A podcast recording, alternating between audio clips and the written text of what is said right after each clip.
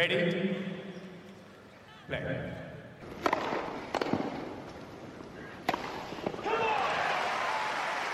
Merhabalar, Raket Servisi hoş geldiniz. Ben Gökalp. Ben Anıl, merhaba. Evet, Amerika açığı kapatıyoruz bu akşam. Dolu dolu bir turnuva geçti. Son zamanların en hikayeli turnuvası olabilir. Biz bunu Grand Slam'lerden sonra söylüyoruz ama bu turnuva bayağı hakkını verdi. Bu kadarını ben beklemiyordum. Bu turnuva başka bir turnuva oldu gerçekten Gökalp. Yani e, hem Federer'in hem Nadal'ın hem Serena'nın hem geçen senenin şampiyonu Dominic Thiem'in yokluğunda acaba e, Djokovic'in kupayı kaldıracağı bir formalite turnuvası olur mu? İşte finale kadar zaten Medvedev Djokovic finalini bekliyoruz diyordu herkes. Hani oraya kadar belki en büyük resimde e, çok bir şey değişmedi ama aşağıda çok başka hikayeler oldu erkekler tarafında. Kadınlar tarafı zaten komple bir hikayeydi.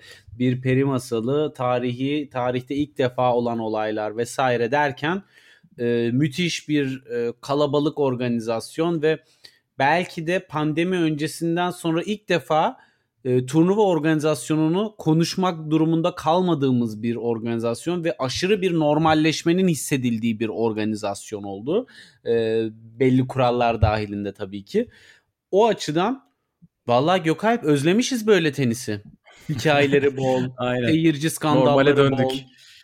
Normale döndük. Amerika açık reklamlarında, Amerika'daki reklamlarda bunu The Greatest Return diyerek pazarlamış turnuvayı. Gerçekten de çok büyük geri döndüler. Ama Erkeklerde- o fotoğrafta çok özür diliyorum o fotoğrafta Nadal vardı. Evet evet o fotoğraf ben reklamı izledim. Reklamda Nadal, Serena, Team, Federer, e, Osaka var. Bilin bakalım kim eksik. Evet. Hepsi. Erke- erkeklerde Danil Medvedev çok büyük bir sürprize imza atarak Novak Djokovic'in bütün sene 4'te 4 yapmasını engelledi. Finalde 6-4, 6-4, 6-4 ile geçti ve şampiyon oldu. Kadınlarda bambaşka bir hikaye var. Emma Raducanu elemelerden gelip Amerika açık şampiyon oldu. Finalde Leyla Fernandez'i geçti. Anıl istiyorsan kadınlardan başlayalım. Bir final konuşalım. Emma Raducanu ile Leyla Fernandez'i konuşalım. Söyleyecek çok laf var. Of. İlk hafta yeterince konuşamadık bu isimleri belki de. Çünkü diğer isimlere odaklanmıştık. Barty ve Osaka elenmişti. Radarın hala altındaydı bu isimler. Bizi şaşırtıyorlardı. Biz onlara bir yere yer ayırdık. Raducanu, Alcaraz ve Fernandez diye. Ama şu anda bambaşka bir yerdeler. Hatta o kadar büyük heyecan yarattılar ki erkekler finalinin oynanacağını bir an unuttuk cumartesi akşamı kadınlar finalinden sonra. Çok büyük bir climax, çok büyük bir zirve noktası yaşattılar. Ee, hem final hakkında yorumlarını alayım sonra da yavaş yavaş yaparız. Emma konuşuruz, Leyla konuşuruz. Ya her şeyden önce hikayenin büyüklüğünü ve eşsizliğini şunla anlatmak lazım. Belki de bir kadınlar finali e, geçtiğimiz senelere göre hiç ev sahipliği yapmadığı kadar çok Hollywood yıldız Hollywood yıldızına ve ünlüye ev sahipliği yaptı. İnanılmaz büyük bir rating, bir momentum. Her gazetenin sürmanşetinde e, bu ikilinin final oynaması vardı. İngiltere zaten yıkılıyor, Kanada zaten yıkılıyor ve herkes bu finalde biz ne izleyeceğiz merakıyla e, stada geldiler. Tahminimce birçok kişi zaten hani teniste biliyorsundur genellikle birçok özellikle ünlü isim hani tenisi takip eder ama genelde en iyi ihtimalle yarı final ve finali izler yani. Dolayısıyla birçok isim hala Raducanu'nun, Fernandez'in nasıl oraya geldiği, nasıl bir oyun oynadığı ile ilgili çok da bir fikir olduğunu düşünmüyorum açıkçası. Ve bu da heyecanı böyle bir finalde daha da arttırmıştır. Ve tahmin ediyorum ki Gökalp izledikleri tenis karşısında hepsi mest olmuştur. Çünkü e, bana sorarsan bu ikinci evrim kadınlar tenisinde Andrescu'nun oyun tarzıyla, Świątek'in oyun tarzıyla, Eşbarty ile, Osaka ile başlayan tenisin çeşitliliklerinin ön plana çıktığı bir kadınlar e, turunda bu artık gerçekten çok üst bir nokta oldu. Özellikle Emma özelinde ve Fernandez özelinde özgün o kadar önemli noktalar var ki üzerine konuşacağımız. Bunları bütün dünya milyonlarca insan canlı bir şekilde izleyince sanırım onlar da mest olmuştur. Ee, bunu zaten e, sadece Emma Raducanu'nun takipçi sayısının da bir turnuva öncesine göre böyle bir 100 bin kat falan artarak 1,5 milyon kişiye çıkmasını da e, açıklıyordur. Yani bu mesela bir Ostapenko Roland Garros'u Ostapenko Roland Garros'u kazandığı zaman böyle bir etki olmadı. Ee, Tabii. Hani bu sadece o kupayı genç yaşta almak veya e, sürpriz biri olarak almak değil yani. Çok farklı bir şeyler oldu orada ve tarihte ilk defa bir isim 2000 puanın üzerinde puan topladı bir Grand Slam'de. 2040 puan çünkü elemelerden geldiği için 40 puan da elemelerden geldi üstüne ve e, aynı zamanda da bunların hepsini set kaybetmeden yaptı. Ama Gökalp ikisi için de genel yorumlamak e, gerekirse çeyrek final, yarı final ve finalde tamamen aynı oyunu, cesur oyunu maçın tamamına yayarak o maçların ağırlığını hiçbir şekilde göstermeden soğukkanlı ve poker face e, kullanarak e, muhteşem oynadılar. Bu yüzden bence e, kadınlar tenisi ve genel olarak tenis dünyası muhteşem iki yıldızı kazandı bu turnuvada. Leyla Fernandez'den ara ara bahsediyorduk Gökalp. Ee, bir sıçrama yapabilir mi? Oyunu heyecanlandırıyor diyorduk. Zaten hani çok e, bir anda böyle 150 numaradan gelmedi. Ki Le- Raducanu 150 numara olarak katıldı turnuvaya ama o 150 numaraya gelişinin de esas hikayesi zaten e, Wimbledon'a davetiyeyle katıldıktan sonra orada kazandığı maçlar sonucu elde ettiği puanlar. Yani Wimbledon'dan davetiye almasa e, belki yani burada eleme oynayacak e, bir puanı bile olmayacaktı esasında.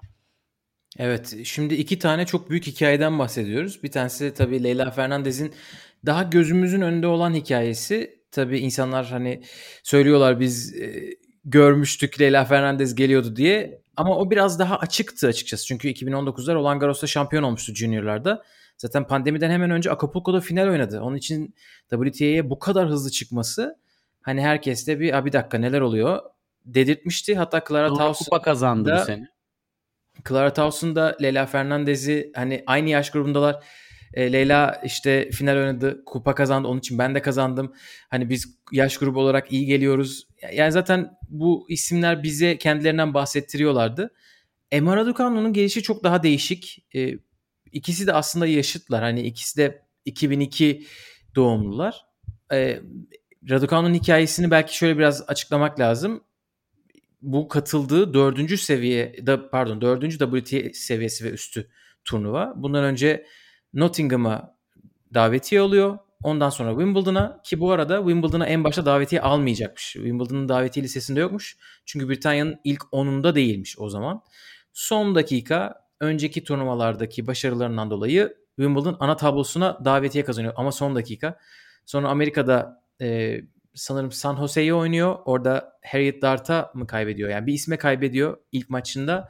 Ondan sonra bir 125K oynayıp orada güzel oynuyor ve geliyor. Yani bu kadar çabuk gelmesi tabii bir heyecan yarattı. E, ikinci Grand Slam'inde sadece şampiyon oldu. Elemelerden geldi. Yani inanılmaz bir şey başardı. 10 maç 20 set kazanmaktan bahsediyoruz arka arkaya. İki tane pırıl pırıl genç. Raducanu'ya şey soruyorlar. Hani baskı hissetmemenin e, bir katkısı var mı? O da tabii ki buna baskı hissetmiyorum gibi düz bir cevap vermiyor ama hani ben oyun planıma odaklanabiliyorum diyor ve oradan siz anlıyorsunuz. Evet omuzlarında yük yok ve istedikleri gibi oynuyorlar. Belki de bu finali bu kadar güzel yapan istedikleri gibi oynamaları ve oyunlarının güzel olması. Hani oyunlarının çok güzel olması. Belki biraz ondan da bahsedebiliriz. Kişisel, kişisel hikayelerine geri döneriz ara sıra çünkü çok fazla hikaye var. E, benzer de paralellikler taşıyorlar. Çok dil biliyorlar. Etnik kökenleri çok böyle karışık, çok zengin. E, ama tenisleri de oldukça zengin. İstediğinden başla. istersen biraz hikayelerinden gidelim. istersen final performansları, genel oyun e, profillerini çizelim biraz. Anlatacak Ya çok bence- şey var çünkü. Şeyden başlayayım ilk olarak. Ee, hani onları buraya getiren tenisleriyle başlayalım. Ki bence hikayenin en sıkıcı kısmı oynadıkları tenis. Hani hikaye o kadar muazzam ki e, harika tenisleri e, bile geri planda kalıyor. Ama özetlemek gerekirse e, Emma Raducanu kortun çok içinde cesur ve saldırgan bir oyun oynuyor. Ve aynı zamanda da servisleri karşılarken o kadar erken karşılıyor ve topun nereye doğru gideceğini sezinleyip o kadar hızlı geri gönderiyor ki hani Djokovic'e diyoruz ya tarihin en iyi returncüsü diye. Bunu yakında Emma Raducanu için söyleyebiliriz. Çünkü e, rakibe attığı hızlı servisi dezavantaj olarak geri gönderiyor. Şimdi tabii ki bu, bunun bu turnuvada inanılmaz çalıştı. Yani e, hani daha önce de bir tweet atmıştım bununla ilgili. Yani beni en çok etkileyen istatistik hakikaten e, Maria Sakkari Karolina Pliskova ile oynadığı çeyrek final maçında bir tane bile servis kırma puanı göstermedi. Yani servis kırma puanı göstermedi. Ve aynı Sakkari e, Emma Raducanu tarafından 3 kez servisi kırıldı. Yani bu iki gün ardı ardı olan şeyler ve bu ne kadar esasında dominasyonun e, rakibin e, oyununda dominasyonu ne kadar iyi kurduğunu gösteriyor ve bu aynı zamanda Raducanu'nun rakibinin onun servisini kırdığında ya iyi buradan bu seti alırım rahatlığına hiçbir zaman girememesine sebebiyet veriyor. Çünkü Raducanu'nun kendi servis oyununu kazanma olasılığıyla rakibinin servis oyununu kazanma olasılığı hemen hemen aynı. Ve bu da tabii ki psikolojik olarak müthiş bir üstünlük sağlıyor. E bunun üzerine zaten agresif oyun tarzı var ve rakibi sürekli defans yapmaya zorluyor. E böyle olunca haliyle hata sayısı az olduğunda veya hata yapınca e, taktiğinden vazgeçmeyip aynı şekilde oynamaya devam edebilince hani bu da çok e, gördüğümüz bir şey. Yani bir taktik var ve a iki hata yapıyor sonra birden defansa çekilmeye başlıyor oyuncular. Bunları da yapmıyor. Öyle olunca e, tabii ki bütün yıldızlar doğru şekilde sıralanıyor ve e, böyle muhteşem bir hikaye çıkıyor.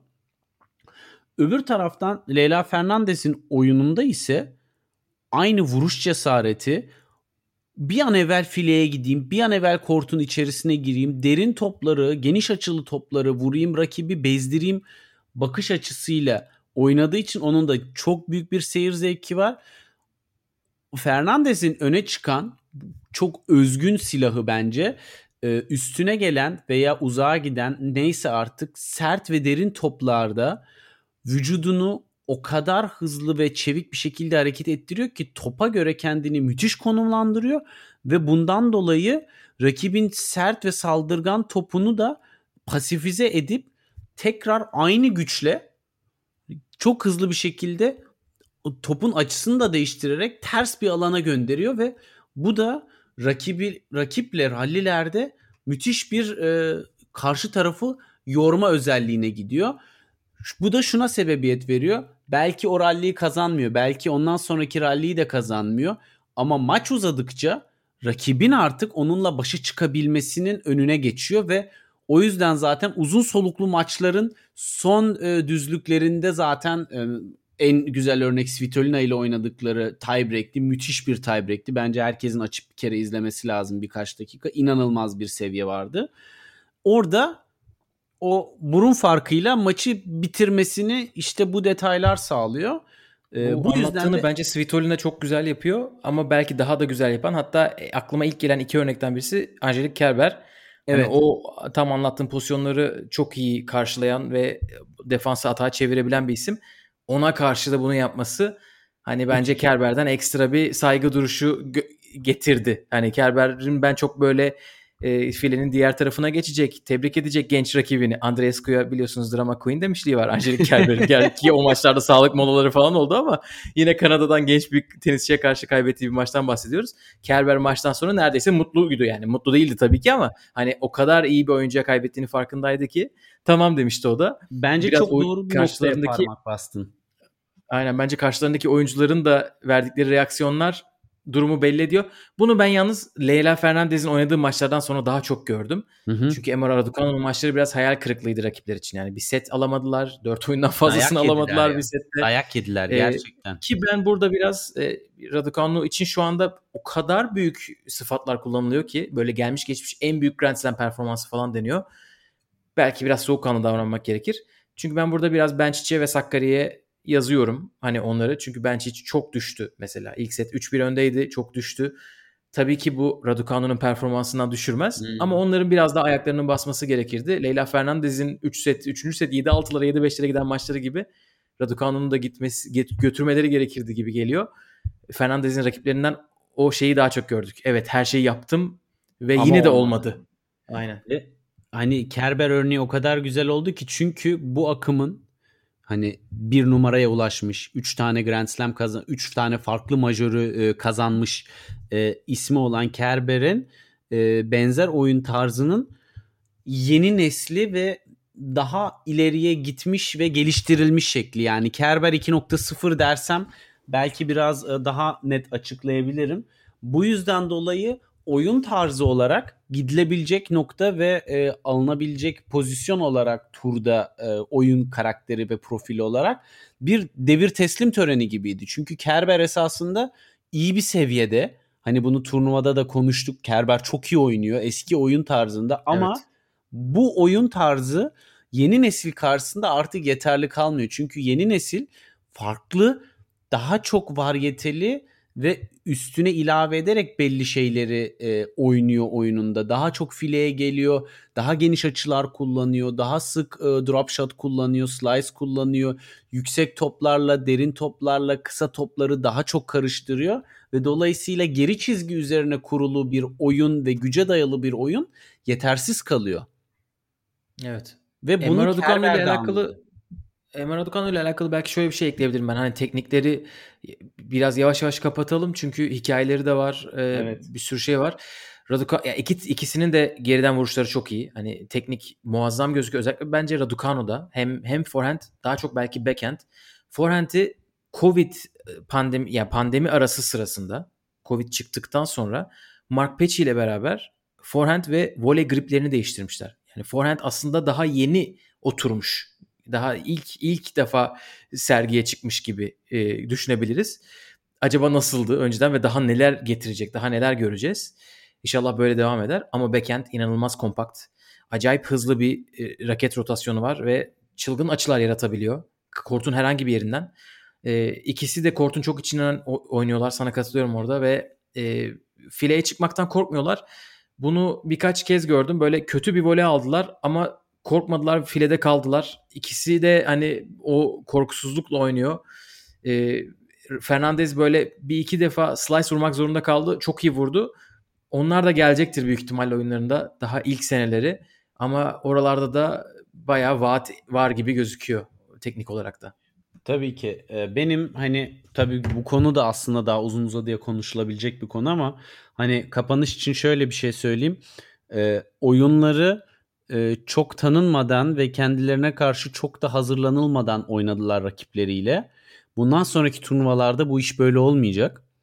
Dolayısıyla vitrindeyken, ön plandayken oyunları üzerine analiz yapılıp karşılarına ABC planlarıyla rakipleri çıkarken Sonuçlar nasıl olacak? Oyunları nasıl olacak? Bu soğukkanlılığı ve rahatlığı koruyabilecekler mi? Bunu zamanla göreceğiz. Evet.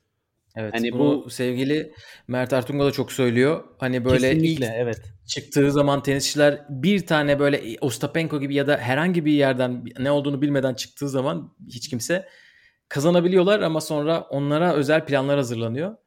Bakalım Avustralya'da neler olacak bu arkadaşlar. E, Mert bu konuda şeyi de söylemişti sanırım bu baskıyla beklentiyle başa çıkabilme konusunu yani o omuzlarda o kupayı tekrar kazanmanın beklentisinin ağırlığıyla başa çıkabilmek bu da işin e, mental tarafında hep e, bahsettiği bir konu.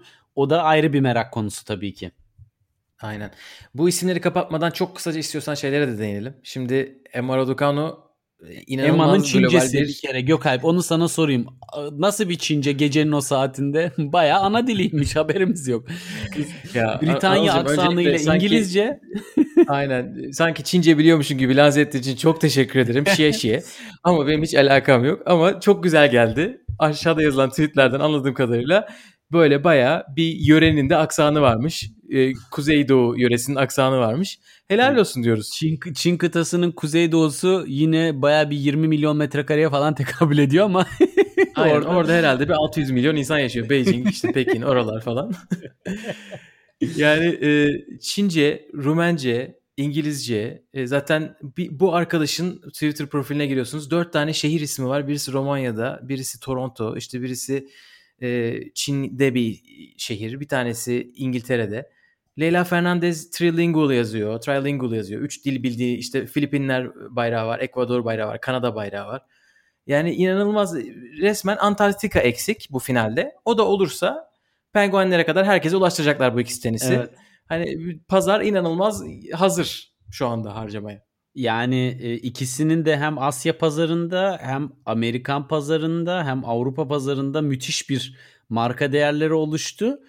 Umarım WTA gerçekten e, pazarlama konusunda çok başarısız hamleler yaptığı bu son 5 ila 10 yıl arasını biraz akıllanarak değerlendirir. Şu anda pazarlama anlamında altın madeni iki isim var. Yani bunları şehre getirmek, ülkeye getirmek için e, sıraya girmiş eminim ki birçok organizasyon vardır. E, yani o açıdan ben de merakla bekliyorum. Ama Aynen ikisinin... zaten WTA bir şey yapmazsa İngiltere yapar. Çünkü İngiltere şu anda olaya el koydu. Britanya diyeyim ya da Birleşik Krallık. Evet. Raducanu direkt ismi... kraliçe diyelim Gökalp. Direkt kraliçe. Aynen kraliçeden de mektup geldi.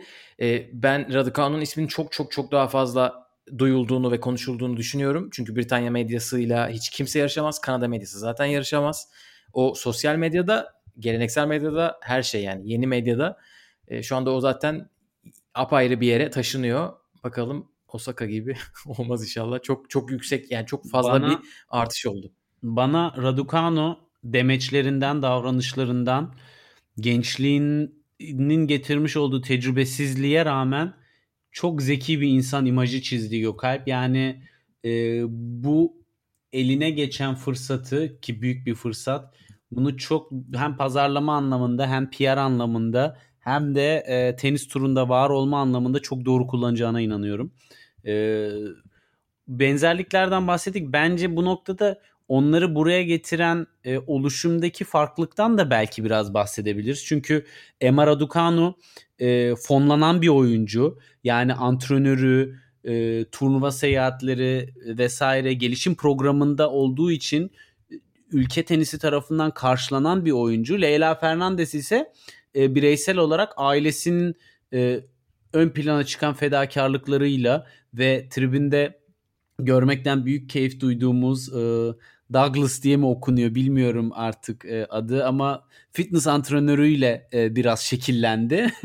yani Benim anladığım kadarıyla bu arada sana da sorayım. Kanada Federasyonu ile başta anlaşamamışlar. Kanada Federasyonu çok vücudun küçük demiş. Bunu bir kapı dışı etmiş. Aynen ama öyle. sonra bir yerden sonra çalışmaya başlamışlar. Hani ee, en baştan ben... beri değil ama bir noktada çalışmaya başlamışlar gibi. Çünkü bir demecinde evet anlaştık. Biraz zor oldu başlangıç ama şu anda aramız iyi gibi bir şey okudum. Sitesinde. Ee, olabilir. Yani şöyle başlangıcında onun e, potansiyel oyuncular arasında görülmediğini ben de biliyorum.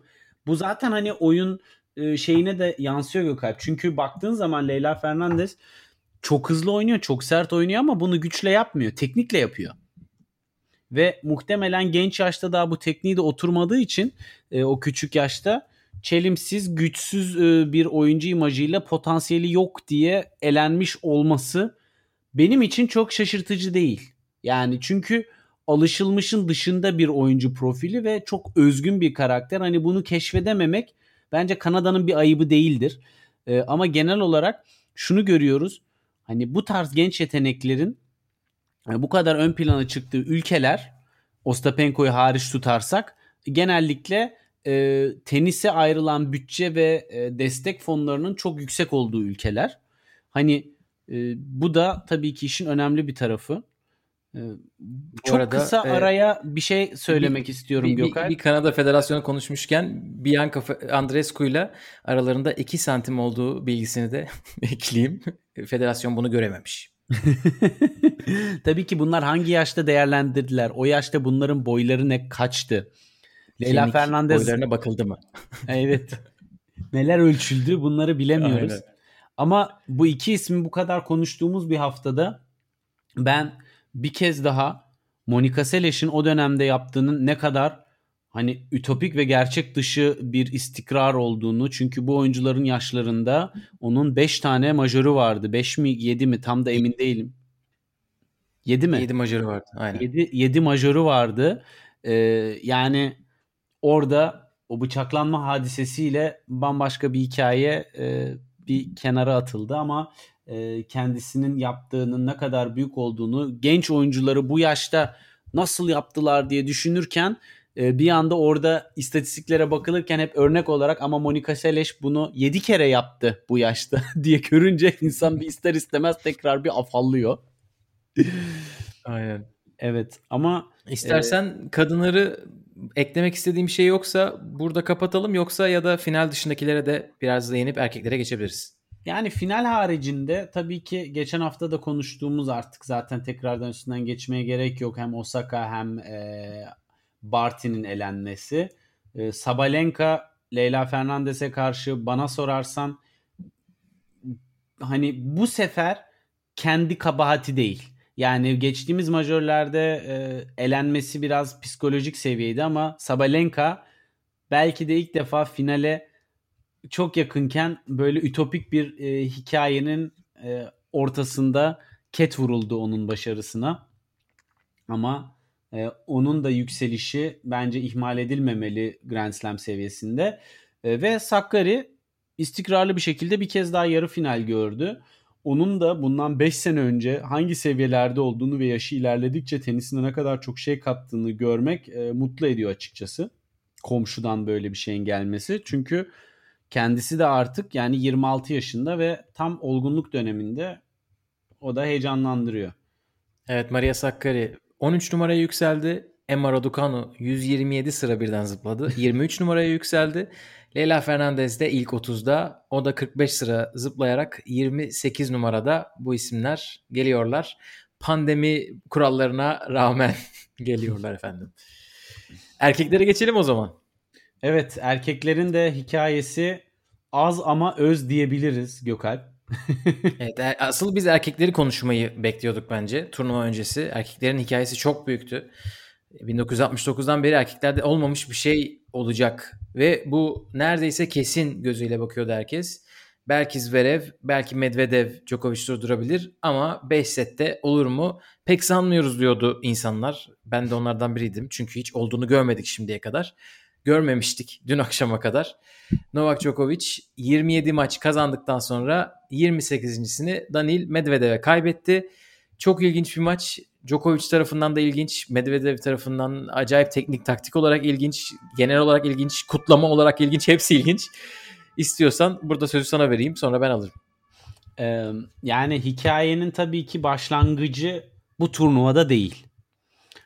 Hikayenin başlangıcı esasında Tokyo'da. Tokyo'da Golden Slam hedefiyle gitti Djokovic oraya. Çok da anlaşılır bir şekilde büyük bir risk aldı. Yani ya hep ya hiç dedi. Çünkü tarihte Golden Slam'i başarabilmiş e, bir erkek yok. Sadece kadınlarda Steffi Graf bunu bir kere başarabilmiş.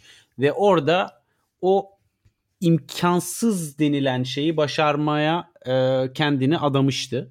Ve orada bir e, müthiş bir yarı final maçı çıkaran Alexander Zverev karşısında yarı finalde elenerek ilk dev hayal kırıklığını yaşadı. Gerçekten orada ilk bir yıkım oldu yani o ilk büyük hedef e, herkesin kimse duramaz Djokovic'in karşısında dediği yerde Zverev'in e, üst düzey bir istikrarlı maç e, çıkarması sonucu orada ilk bir hayali yıkıldı. Derken sonrasında e, Tokyo'ya gitmek, o bubble kurallarına girmek, oradan geri dönmek, o falan onlar da çok yıprattı. Derken fiziksel olarak biraz hazır olmadığını belirtti. Bir e, Belgrad'a gitti tekne gezisine gitti. Biraz dinlendirdi vücudunu vesaire derken e, Amerika'ya geri geldi. Grand Slam garanti dedi herkes. Yani kim durabilir US Open'da karşısında dendi. E, ve şu tabii ki istatistiksel olarak bir gerçek. Dört büyük major turnuvada bir sahibi olmayan tek turnuva US Open. Sürprizi en bol, şampiyonu en çeşitli turnuva bu. Avustralya'da Erkekler, Djokovic. Evet. Roland evet e, tabii ki Serena Williams bir tarafta orayı tutuyorum. Kusura bakma evet erkeklerde. Roland Garros Yok, Rafael Nadal. Yani şey bu, burada dinlemeye başlayan olursa karışıklık olmasın diye eklemek istedim.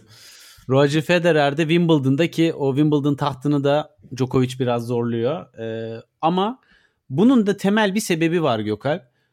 US Open senenin son majörü ve tenis takvimi müthiş yıpratıcı, yorucu ve bu sene olimpiyatlarla beraber ve pandemin dolayısıyla e, gerçekten yorucu seyahat koşulları, testler, bubble'lar, işte fizik fizyoterapistinizi götüremiyorsunuz veya masörünüzü götüremiyorsunuz, bir şey yapamıyorsunuz. Hep bir eksiklikler.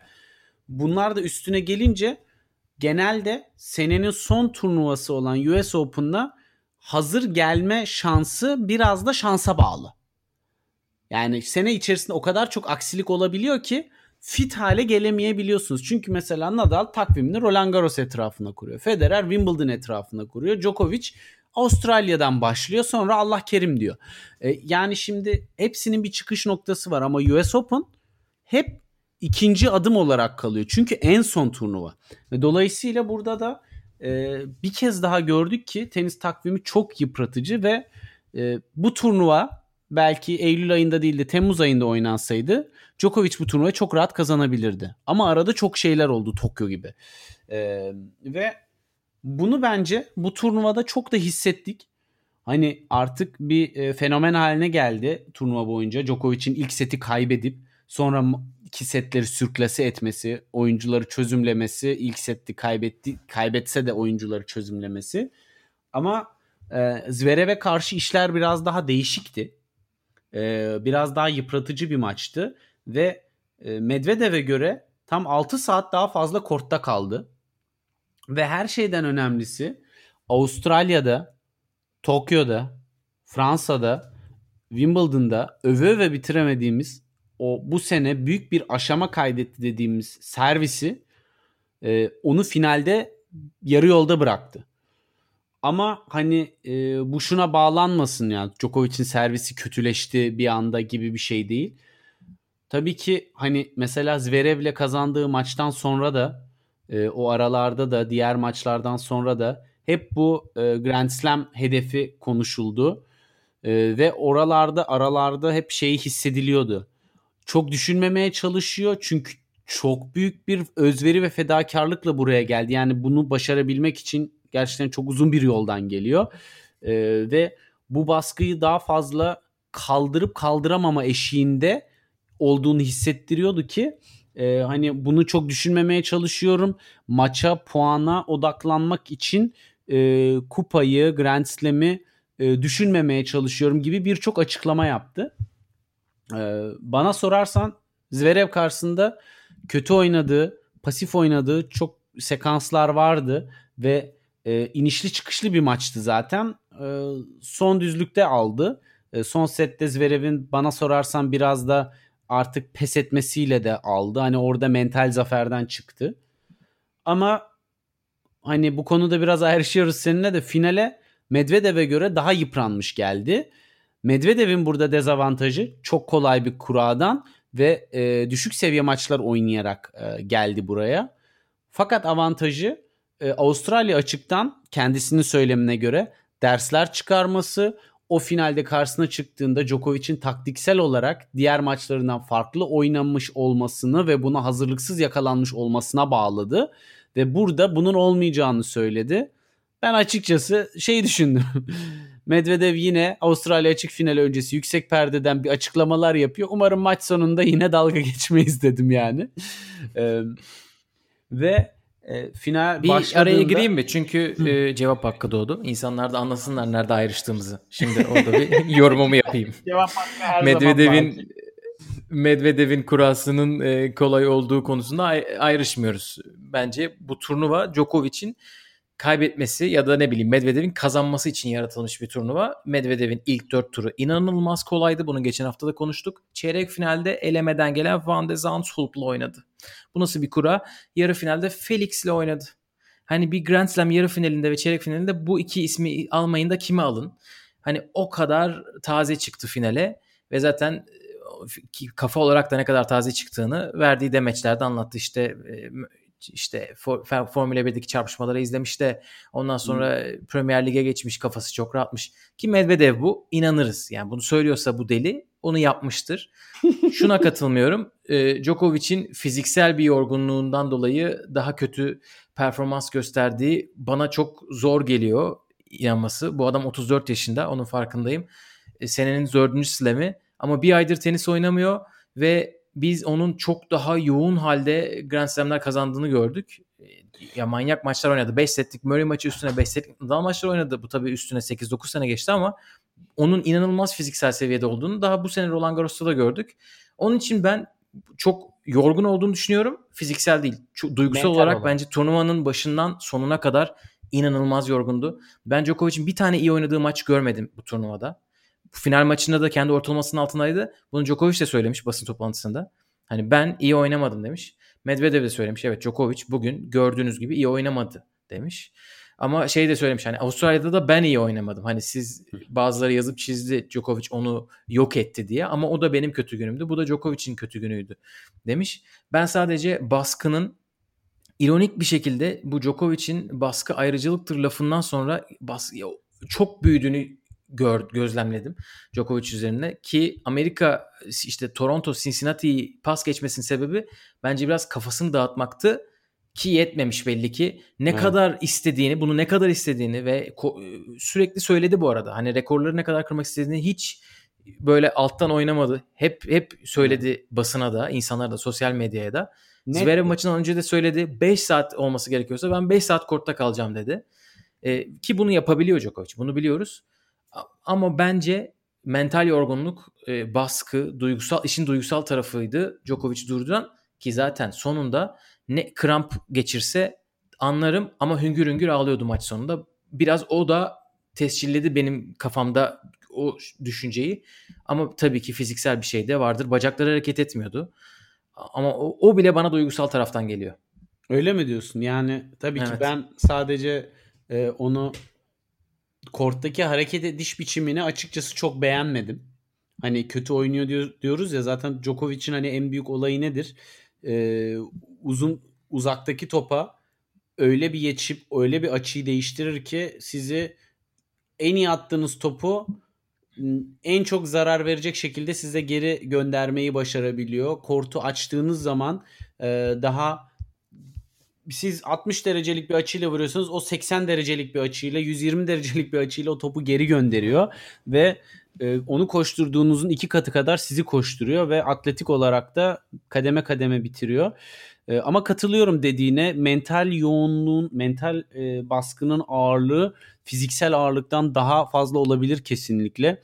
Hani maç sonunda dedin ama e, change son e, changeover sırasında da havlunun altında e, Yani artık onu, onu kastetmiştim ben aynen.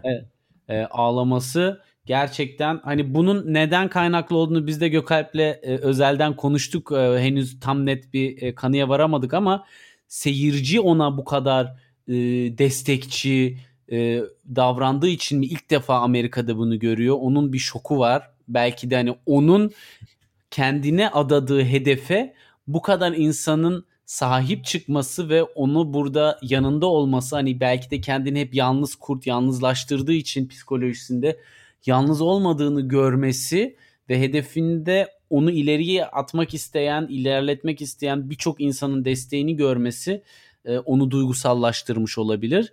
E, ya da artık maçı geri çeviremeyeceğini inanmaya başladığı için e, yolun sonuna gelmiş olmanın bir e, duygusal patlaması mı e, onu da tam net çözümlemek Djokovic'e kalmış yani kafasından geçenleri kimsenin okuyamadığı gibi ne Gökalp ne de ben de okuyamıyoruz. Basın toplantısında bir soru sorulmuş. O daha çok seyircileri bah- bahsetmiş. Hani ben hiç New York'ta böyle bir destek görmedim. Onun için e, duygu doldum taştım. Hiç böyle bir şey beklemiyordum. Seyirciler beni pozitif anlamda çok şaşırttılar demiş. O biraz büyük ihtimalle artık çok tırmanışı oldu. Çünkü ben hayatımda bir seyirci grubunun bir oyun kaybettirdiğini görmemiştim. Evet. Resmen yuhlaya yuhlaya, e, ses çıkara çıkara Medvedev'e iki çift hata bir de basit hata mı yaptırdılar? Evet. Üç tane arka arkaya sayı verdi ve orada 5-4 oldu. E, Medvedev'e bunu soruyorlar. O anda e, hani dinlememeye çalıştım. Kendime güvenmeye çalıştım ama 5-5'te bunlar olsa ne yapardım bilmiyorum. Allah'tan da bunu bilmek zorunda değilim gibi bir şey söylüyor. Hani ben Djokovic'in o noktada bırakacağını sanmıyorum. Çünkü sa- sanırım arka arkaya 3 oyun kazanmıştı. Evet. Medvedev'in 5 50 5'ten titreyebilirdi. 5-4'e gel- gelmişti. 5-1'den 5-4'e geldi. Heh, aynen 3 oyun kazanmıştı. Ne olacağı belli değildi. Bir, bir sayı da kazandı galiba Medvedev'in servisinde ama Be- be- 5-2'de ama e, maç puanı attı Medvedev. Ha, ha, aynen ya orada da ya ama sonuçta onu o da olmamış 5-4 olmuş. Bizim bildiğimiz Djokovic hani o, o Djokovic değildi. Hani o şey derdi. Evet bu maçı çeviriyoruz derdi. Evet. Ama çok duygusal bir Djokovic vardı. Hani böyle alakasız bir Djokovic gördük. Belki buradan şeye geçebiliriz. Biraz Medvedev'e geçebiliriz. Çünkü Djokovic çok kısa o son şey oyunda demek istiyorum bir eleştirel olarak e, Djokovic'e bu seyirci konusunda. Kendisine çok destek oldular ama hani ben iki kelamda ya Medvedev'e bu kadar manipülatif davranılması teşekkür ediyorum ama bence e, doğru değildi tarzı bir şey söylemesi gerekirdi.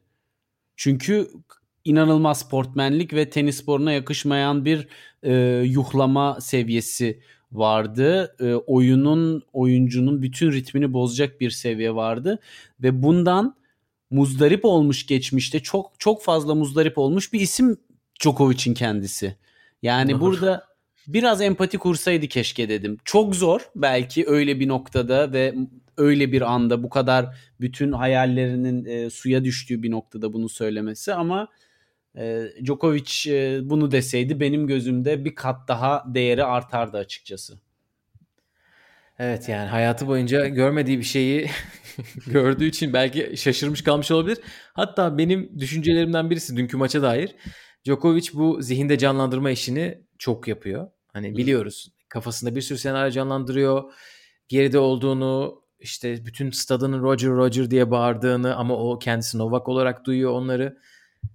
Bu senaryo çalışmadığı yerden geldi gibi geldi bana.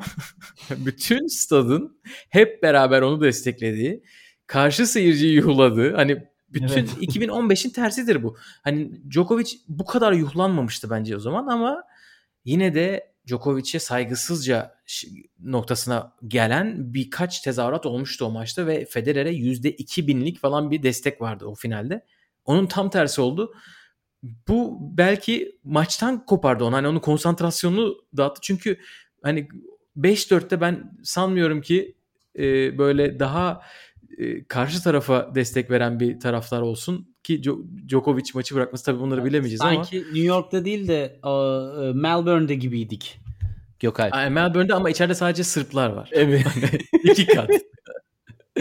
Belki şöyle biraz Medvedev'e geçebiliriz. Djokovic son oyunda bir sayı aldı diye hatırlıyorum. Emin de değilim ama nerede alırsa alsın Djokovic sayı.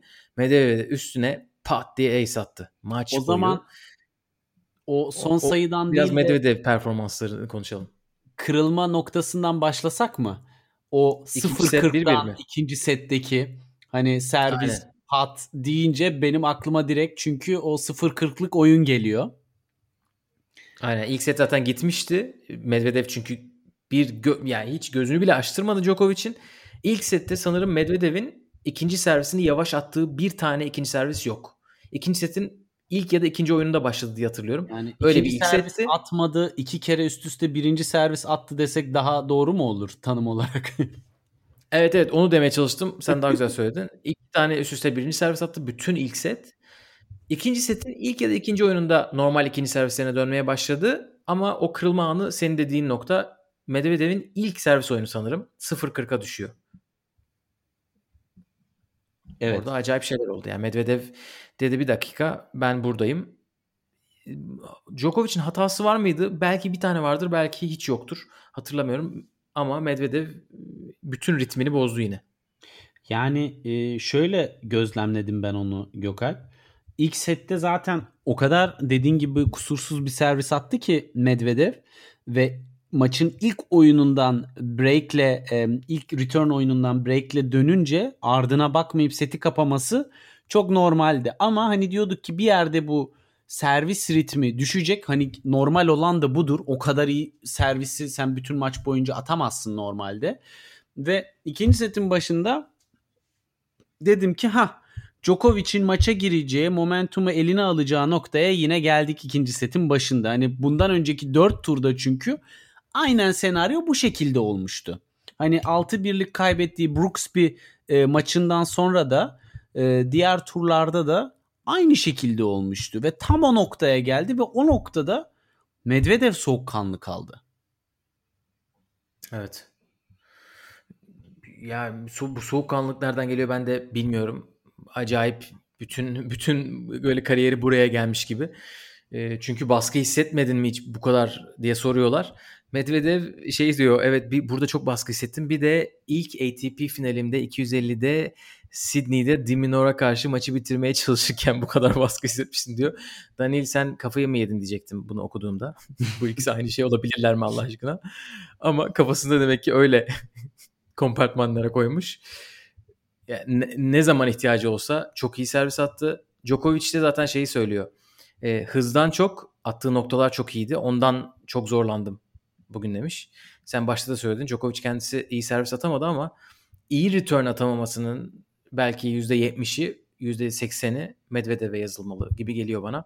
Acayip servis, servis performansıydı. Çok çok doğru söylüyorsun. Ee, ben bir de şunu ilave etmek istiyorum. Hani e, Djokovic'i en iyi oyununuzla anca yenebiliyorsunuz. Hani bunu e, Tsitsipas da gösterdi. Bunu Musetti de gösterdi. Hani ne olursa olsun oyununuzdan bir gram düştüğünüz zaman Djokovic geri geliyor. Ve e, bugün de hani açıkçası maç 2-0'a geldiği zaman şunu düşündüm. Ya bu maç 3-0 bitecek ya da 2-3 bitecek. Ben başka bir seçenek görmedim. Çünkü e, Djokovic momentumu eline asla alamadı. Hiç göz açtırmadı. Biraz bir kapı aralığı bıraksaydı Medved'e e, orayı böyle yara yara açıp girecekti yine muhtemelen birçok kez yaptığı gibi bu sene ve geçtiğimiz senelerde ve geçtiğimiz turlarda. Fakat o kadar bir an bile tereddüt etmedi ki son setin durum 5-1'e geldikten sonra seyirciler onu o ritimden çıkardı. Seyirciler bunu ikinci sette yapsaydı belki Djokovic maçı alacaktı. Doğru. Olabilir. Tabii Medvedev'in belki söyleyecek başka şeyleri vardır bu senaryoya. Çünkü kendisi acayip acayipti gerçekten dün akşam. Ee, bir numara sorulmuş ona basın toplantısında. Şimdi bir numara ne olacak diye Medvedev'in kafa maşallah zehir gibi çalışıyor. Sene sonuna kadar çok fazla korumam gereken puan var. Novak'ın da çok fazla yok. Onun için imkansıza yakın demiş. Ama inşallah işte böyle hemen bir takvimini gözden geçirmiş. Indian Wells, Torino, arada bir tane daha Paris'i kazanırsam bakalım yolumuza bakarız gibi bir şey söylemiş. E, çatır çatır gidiyor. Burada Gökalp savunması gereken puanlar Indian Wells e, filan diyoruz ya biraz orada e, Medvedev'in oyununun şu anda sert zeminde nasıl bir seviye evrildiğini bence konuşmamız için çok doğru bir nokta. Çünkü özellikle e, Amerika'daki oynanan turnuvalarda Miami'de, Indian Wells'de e, ondan sonra işte Toronto'da e, inanılmaz bir dominasyonu var. Pandemi öncesinden başlayan ve burada da taçlanan zaten ilk finali değildi US Open'da. Bir sürü de Masters galibi şampiyonluğunu Amerika kıtasında aldı ve bu sert zemin tipinde oyun stili müthiş örtüşüyor. Yani şu anda hani turnuva başlamadan da konuşmuştuk ya Zverev'le Medvedev sert zeminde müthiş bir eşleşme olur. İkisi için de en tavan yaptıkları performans burada. Tsitsipas bir adım gerilerinde. Bu turnuvada onu biraz gösterdi. Yani burada Zverev Djokovic'i sallayabildi. Medvedev de yıkabildi. E, tersi bir senaryo olsaydı Medvedev ile Djokovic yarı finalde karşılaşsaydı ne olurdu? E, onu bilemiyoruz tabii ki. Ama e, Medvedev'in kesinlikle e, oyun stili, flat oyunu hani toprakta hiçbir işine yaramayıp ona zarar veren e, kısa topu fileye yakın, sert e, ve derin yollayarak e, oynadığı oyun. Özellikle backhand çapraz mücadelelerindeki istikrarı ve duruş derinlikleri onu sert zeminde e, Djokovic'in tahtına e, bir numaralı aday olarak getirdi bana soracak olursan. Evet.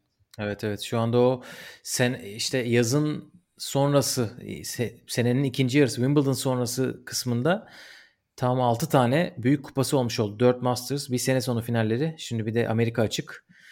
Bu şekilde gidiyor. Gerçekten yaz sonu sonbahar adamı olma yolunda iyice emin adımlarla ilerliyor Medvedev. Ee, Djokovic'i belki kapatmak gerekirse tabii çok zor bir şey denedi. 69'dan beri kimse ilk 3 slam'i kazanıp bir de sonuncuyu kazanmaya oynamamıştı erkeklerde. Bunu 2015'te Serena yaptı. O baskının neler getirdiğini gördük. Roberta Vinci'ye kaybetmişti yarı finalde. Rod Laver'da tabii kazanmıştı değil mi o maçta Serena Williams Roberta Vinci'ye karşı. İlk seti kazanıp evet, öyle, öyle hatırlıyorum. Evet evet rahat kazanmıştı. Bu Djokovic bu baskıyı da sürekli hissetmiştir çünkü Rod Laver e, oradaydı. Her maçı hani izledi. Avustralya'dan, Avustralya'dan çıkmış reis. E, hani karantina pahasına. E, o her maçı da izledi. Yeri de hazırdı. Kupa vermek için oradaymış. Eğer Djokovic kazansaydı Rod Laver kupayı takdim edecekmiş. Vay Daniil Medvedev kazandığı için Stan Smith e, kupayı verdi. Catherine Whitaker'ın söylediğine göre Amerikalılar her şeyi hazırlamışlar. Bunlar metinde varmış. Djokovic'in kazandığı bir durumda Rod Laver sah- sahneye çıkıyor. Rocketman şarkısı çalıyor. Rod Laver'ın e, biliyorsunuz bilmeyenler için lakabı Rocket. Onunla beraber çıkıp... sorduk Gökalp. Artık tekrardan söylememek lazım. Aynen. YouTube kanalımızda, Raket Servis YouTube kanalında e, ki quiz şovlarımızda Avustralya Açık özel bölümünde sorduk. Aynen beğenmeyi, abone olmayı ihmal etmeyin. evet bu şekilde çıkıp Djokovic'e kupayı takdim edecekmiş. Olmadı ama Djokovic için yine tabii süper bir sene. 3 slam şampiyonluğu, bir tane final. Bunu ikinci defa yapmış oldu. 2015'te yapmıştı. Şimdi ikinci geldi. Bakalım 2022 neler getirecek? Göreceğiz artık sonunda Big Three'den birini yenip şampiyon olan bir next gen arkadaşımız var. Daniil Medvedev 26 yaşında mı? Yok 25 yaşında. sonunda bu başarıldı. Önümüzdeki ee, sene bakalım başka kapılar açacak mı? Yani e, bu tabii ki ilk biz dile getirmiyoruz bunu şu anda ama benim de ben de bu görüşe katılıyorum.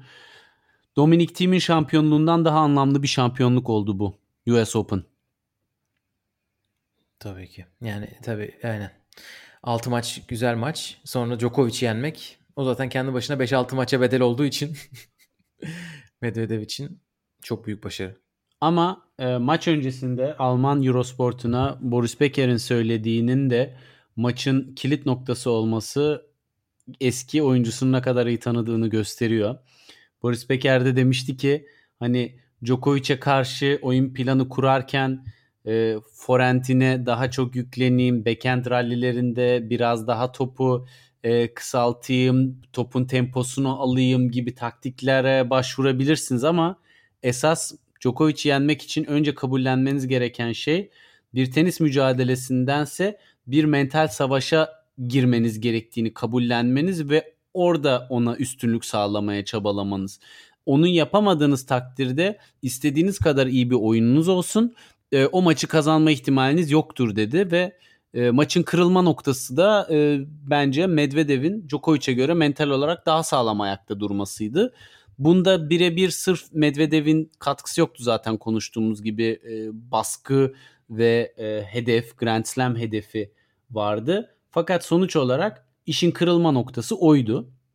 Bu arada hani tam bu noktaya uygun e, Twitter'da gördüğüm bir şey de alıntılamak istiyorum. Hani Tokyo'ya e, pirince giderken New York'taki bulgurdan oldu biraz da e, Djokovic. Bence e, Tokyo'ya gitmeseydi sadece bu kupaya odaklansaydı e, farklı bir senaryo izlerdik diye düşünüyorum. Ama hepsi geçmişte kaldı. Djokovic evet, ben çok şaşırmıştım Tokyo'ya gideceğini açıkladığı zaman. Yani tarihe altın harflerle Golden Slam'le yazdırma yolunda çıktığı yerden 3 e, Grand Slam kazanan birçok isimden bir tanesi olarak kalmaya devam etti. 20 Grand Slam'li 3 oyuncudan biri olmaya devam etti. Ama 21 yakındır bana soracak olursan. E, o zaman da bol bol Djokovic'in nasıl diğer oyuncuların önüne geçtiğini e, tematize edeceğimiz bölümler olacaktır.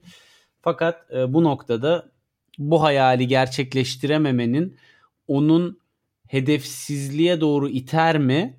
E, bir noktada hani 21'i yapıp bırakır mı? Eğer Federer'in geri dönüşü bana soracak olursan imkansıza yakın olduğu için ve Nadal da bize değnekle poz verdiği ve golfe ağırlık verdiği için 21 yapıp bırakır mı ee, onu da ufak ufak düşünmeye e, başlıyorum açıkçası. Çünkü bir daha Golden Slam şansı Paris'te olabilir 3 sene sonra.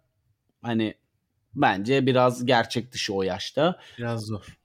Ee, Grand Slam'i tekrar kovalar mı? E, kovalayabilmesi için bir kere önce e, Roland Garros ve Avustralya açığı kazanıp Wimbledon'da da şansını yaver gitmesi gerekiyor filan. E, Bu yani evet yani çok zor. Bunu e, bile şey yapmak lazım, takdir etmek lazım. Çok uzun Olursa, bir maraton. O yola aynen, tekrar aynen. çıkmak ister mi?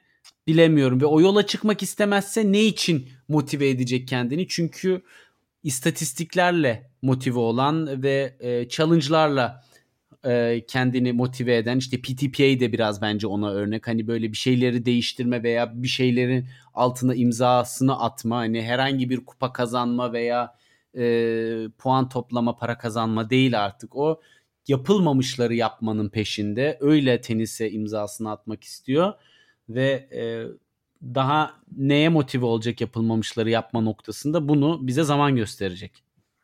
Erkekleri kapatırken istiyorsan bir de Medvedev'in kutlamasını konuşalım. Kendisini birden yere bıraktı. Hafif bir sakatlık geçirmiş. Biz ne olduğunu anlamadık. Omzunun üstüne düşüverdi Daniil Medvedev. Ölü balık. Aynen. Ölü balıkmış. Ben de oradan ben biliyordum de... bu arada Gökalp. Ee, itiraf edeyim biraz FIFA oynuyordum eskiden. Bu sene bıraktım ama Ben Direkt de onu gördüm gol, yani. yediğim gollerden hatırladım ne yazık ki. Bana yapılırdı. Çok da ee, sinir bozucudur. evet özellikle ona basmanız gerekiyor çünkü bunu sağ olsun Daniel arkadaşımız seremoni konuşmasında efsaneler bunu bilir. L2 sol yaptım diye açıkladı. Bir de basın toplantısında sorulmuş. Bu fikri nereden bulduğunu da açıklamış Daniel Medvedev. Diyor ki bir gün Wimbledon'dan önce gece uyuyamamış. Böyle akıl aklına sürekli bir şeyler geliyormuş falan derken şunu düşünmüş. Demiş ki Wimbledon'ı kazanırsam belki Novak'a karşı kim olur bilinmez. E, böyle hiç kutlamamak çünkü biliyorsunuz Medvedev hiç kutlamamaya karar vermişti. Hiç kutlamamak çok sıkıcı olacak. Yeni bir şey yapmam ve özel bir şey olması gerekiyor.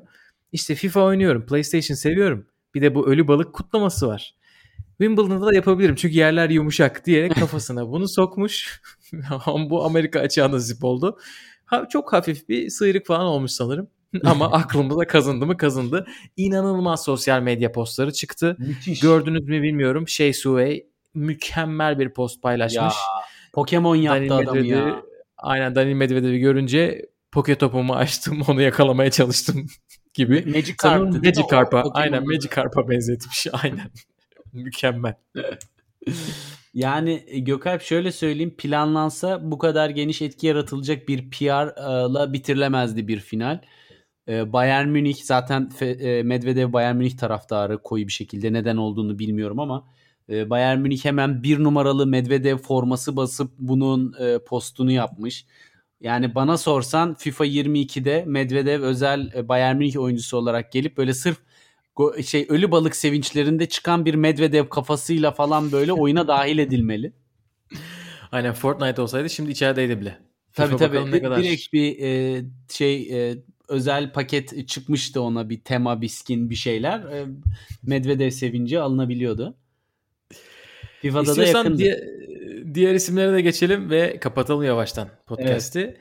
Başka şampiyonlar da var. Öncelikle Golden Slam tamamlayan iki isim var. Bir tanesi tekerlekli sandalye kadınlarda Didi de Kroot. Didi de Groot diye okunuyor sanırım Hollandaca'da. Diğeri Sorarız de quad'da Hollanda'da yaşayan arkadaşlara. quad erkeklerde sanırım quad zaten tek disiplin. Dylan Alcott. Dylan Alcott'u belki görmüşsünüzdür erkekler finalinde. Kupasının içine bira döküp birayı oradan fondip yaptı. Tam bir Avustralyalı inanılmaz, gerçekten. İnanılmaz bir Avustralyalı. Çok iyi bir şekilde kutladı. İkisi de 4 Grand Slam'i bir de üstüne gittiler. Altın madalyayı kazandılar Tokyo'da. Müthiş. Ee, Paralimpiyat oyunlarında, Paralimpik oyunlarda. Bunun dışında 4 slam birden kazanan e, tekerlekli sandalyede çift, tek, çift erkeklerde Alfie Hewitt ve Gordon Reed ikilisi var. Hepsini tebrik ediyoruz. İnanılmaz başarılar tabii bunlar. Djokovic de yapıyor derken bu üçlüye kaldı. Dörtlüye diyelim çiftler takımıyla beraber. Çok büyük başarı. Evet, Çiftleri yani... de konuşalım. Öyle bitirelim. Evet. E, kadınlar tarafında Zheng Shuai ve Samantha Stosur gerçekten yani şapka çıkartılacak bir şekilde Grand Slam kazandılar. Yani helal olsun diyorum. Karşılarında ise genç Amerikalı ikili McCoco yani Coco Goff ve Katie McNally'nin çifti var. Hani müthiş müthiş gerçekten böyle bir e, eski veteranların ile e, yeni kuşağın birleşimi. E, Coco Gauff'un en sevdiğim özelliklerinden birisi de her turnuvaya hani Katie McNally varsa onunla katılıyor yoksa başka bir isimle her turnuvada çiftler oynuyor. Hani sonuna kadar da gidiyor. E, yıldız bir isim olduğu zaten şimdiden belli. Bu turnuvada belki erken turlarda Sloane Stevens'a elendi. Ama ilerleyen yıllarda da bu şekilde çiftler oynamaya devam ederse çok büyük saygı duyacağım ona ilaveten.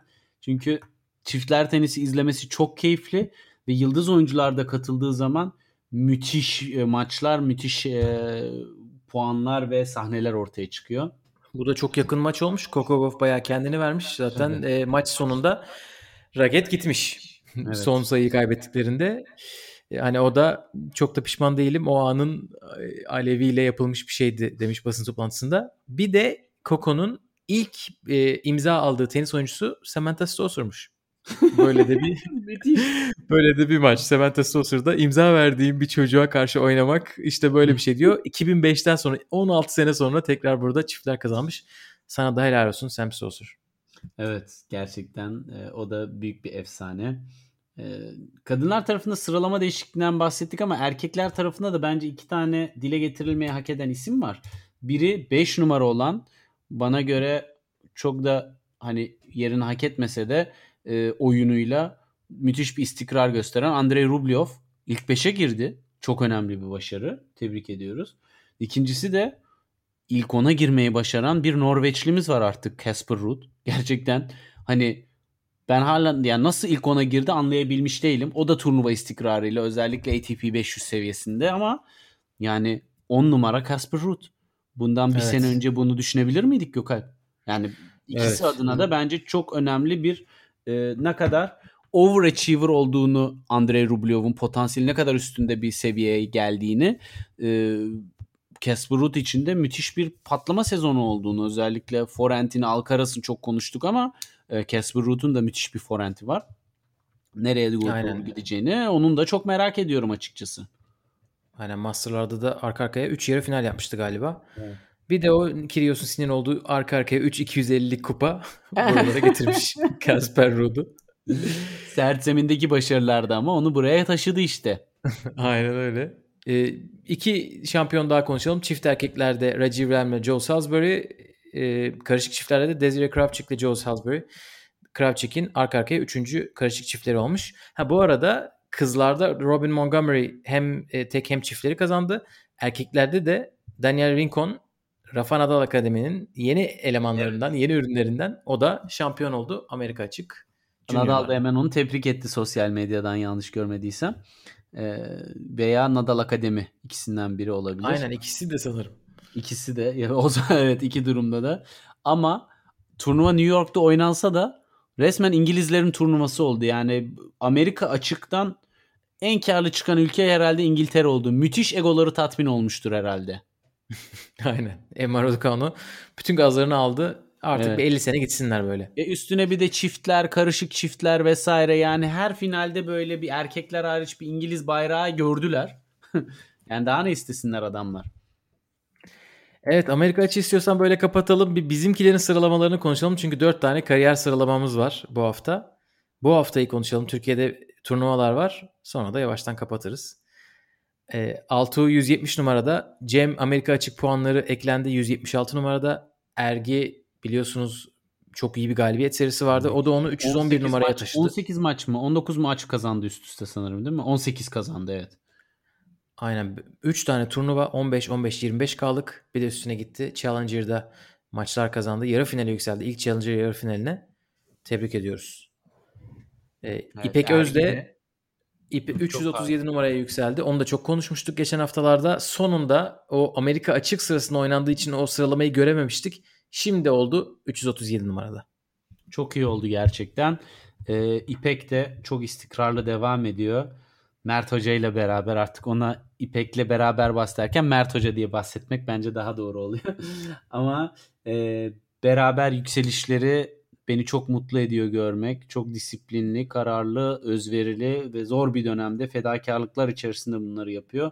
Çok takdir ediyorum. Umarım daha da böyle devam eder. Bol bol e, maçlarını görürüz. Avrupa'ya gelirler, yanlarına gideriz. E, bakalım. Ama Ergi'ye de ufak bir parantez açmak lazım. E, Challenger seviyesinde artık kalırsa yani 25K'lık turnuvaları seçmek yerine Challenger'larda kalıp biraz daha az kupa kazanır belki ama e, ilk 300, ilk 250'ye doğru çok hızlı bir şekilde ilerleyebilir. Güzel bir iki kura turnuvasıyla bence. E, oyun olarak tabii ki biraz daha üstüne koyabilecek gelişime açık noktaları var. O da daha çok genç. 21-22 yaşlarında. E, Valla erkekler tarafında 3 isim geliyor. E, Çağla umarım puanlarını koruyabilir. Onun yanına İpek de geliyor. E, derken böyle geniş bir grup halinde seyahat ederler umarım diyorum Gökalp. Yani çok da e, şey yapmadan e, temennileri e, hayalperest bir şekilde e, kulağa gelmeden. Evet bu hafta bu arada bu isimleri çok konuşuyoruz. Hepsi oynuyorlar. Özellikle erkekler İstanbul'dalar. İstanbul Challenger var bu hafta ama ne yazık ki bizimkiler yoklar. Çünkü takvim öyle denk gelmiş ki Davis Cup İstanbul Challenger haftası oynanıyor. Ve Davis bu her Cup'taki- sene böyle oluyor Gökalp. Çok affedersin lafını ve bu her sene böyle oluyor. Bu İstanbul'un takvimindeki yerinin değişmesi bu oyuncuların puanları açısından bence çok faydalı olacaktır ama işte bakalım. Ha, geçen sene oynadılar gibi aklımda kalmış da belki biz Davis Cup oynadığımız Biz- yer değişti. Biz izlediğimizde e, normal takvimde e, seninle gitmiştik TED'de hatırlıyorsan. O sırada Davis Cup olduğu için oynamıyorlardı. Cem falan yoktu tamam. turnuvada. Tamam tamam. Evet demek ki burada bir şey yaparsak güzel Onun olacak. yerine Ugo Umber'i izlemiştik. Aynen burada önemli olan biz Altuğ, Cem'i, Ergi'yi çok konuştuk. Sene boyunca da çok konuştuk. Onları izleme fırsatınız var. Bu hafta sonu 18-19 Eylül olması lazım. Türkiye-Letonya maçı var Davis Cup. E, İstanbul'da Enka'da galiba. Öyle okuduk. E, gidip izleyebilirsiniz. E, bizim için de destekleyin. İnşallah güzel maçlar olur. Ernest Gulbis yokmuş ama Letonya yine iyi isimler yollamıştır illaki. Bizimkilerin desteğe ihtiyacı vardır. Hem de böyle çıplak gözle onları izlemek çok daha ayrı bir tecrübe oluyor. Kesinlikle. Evet bizden bu seferlik bu kadar.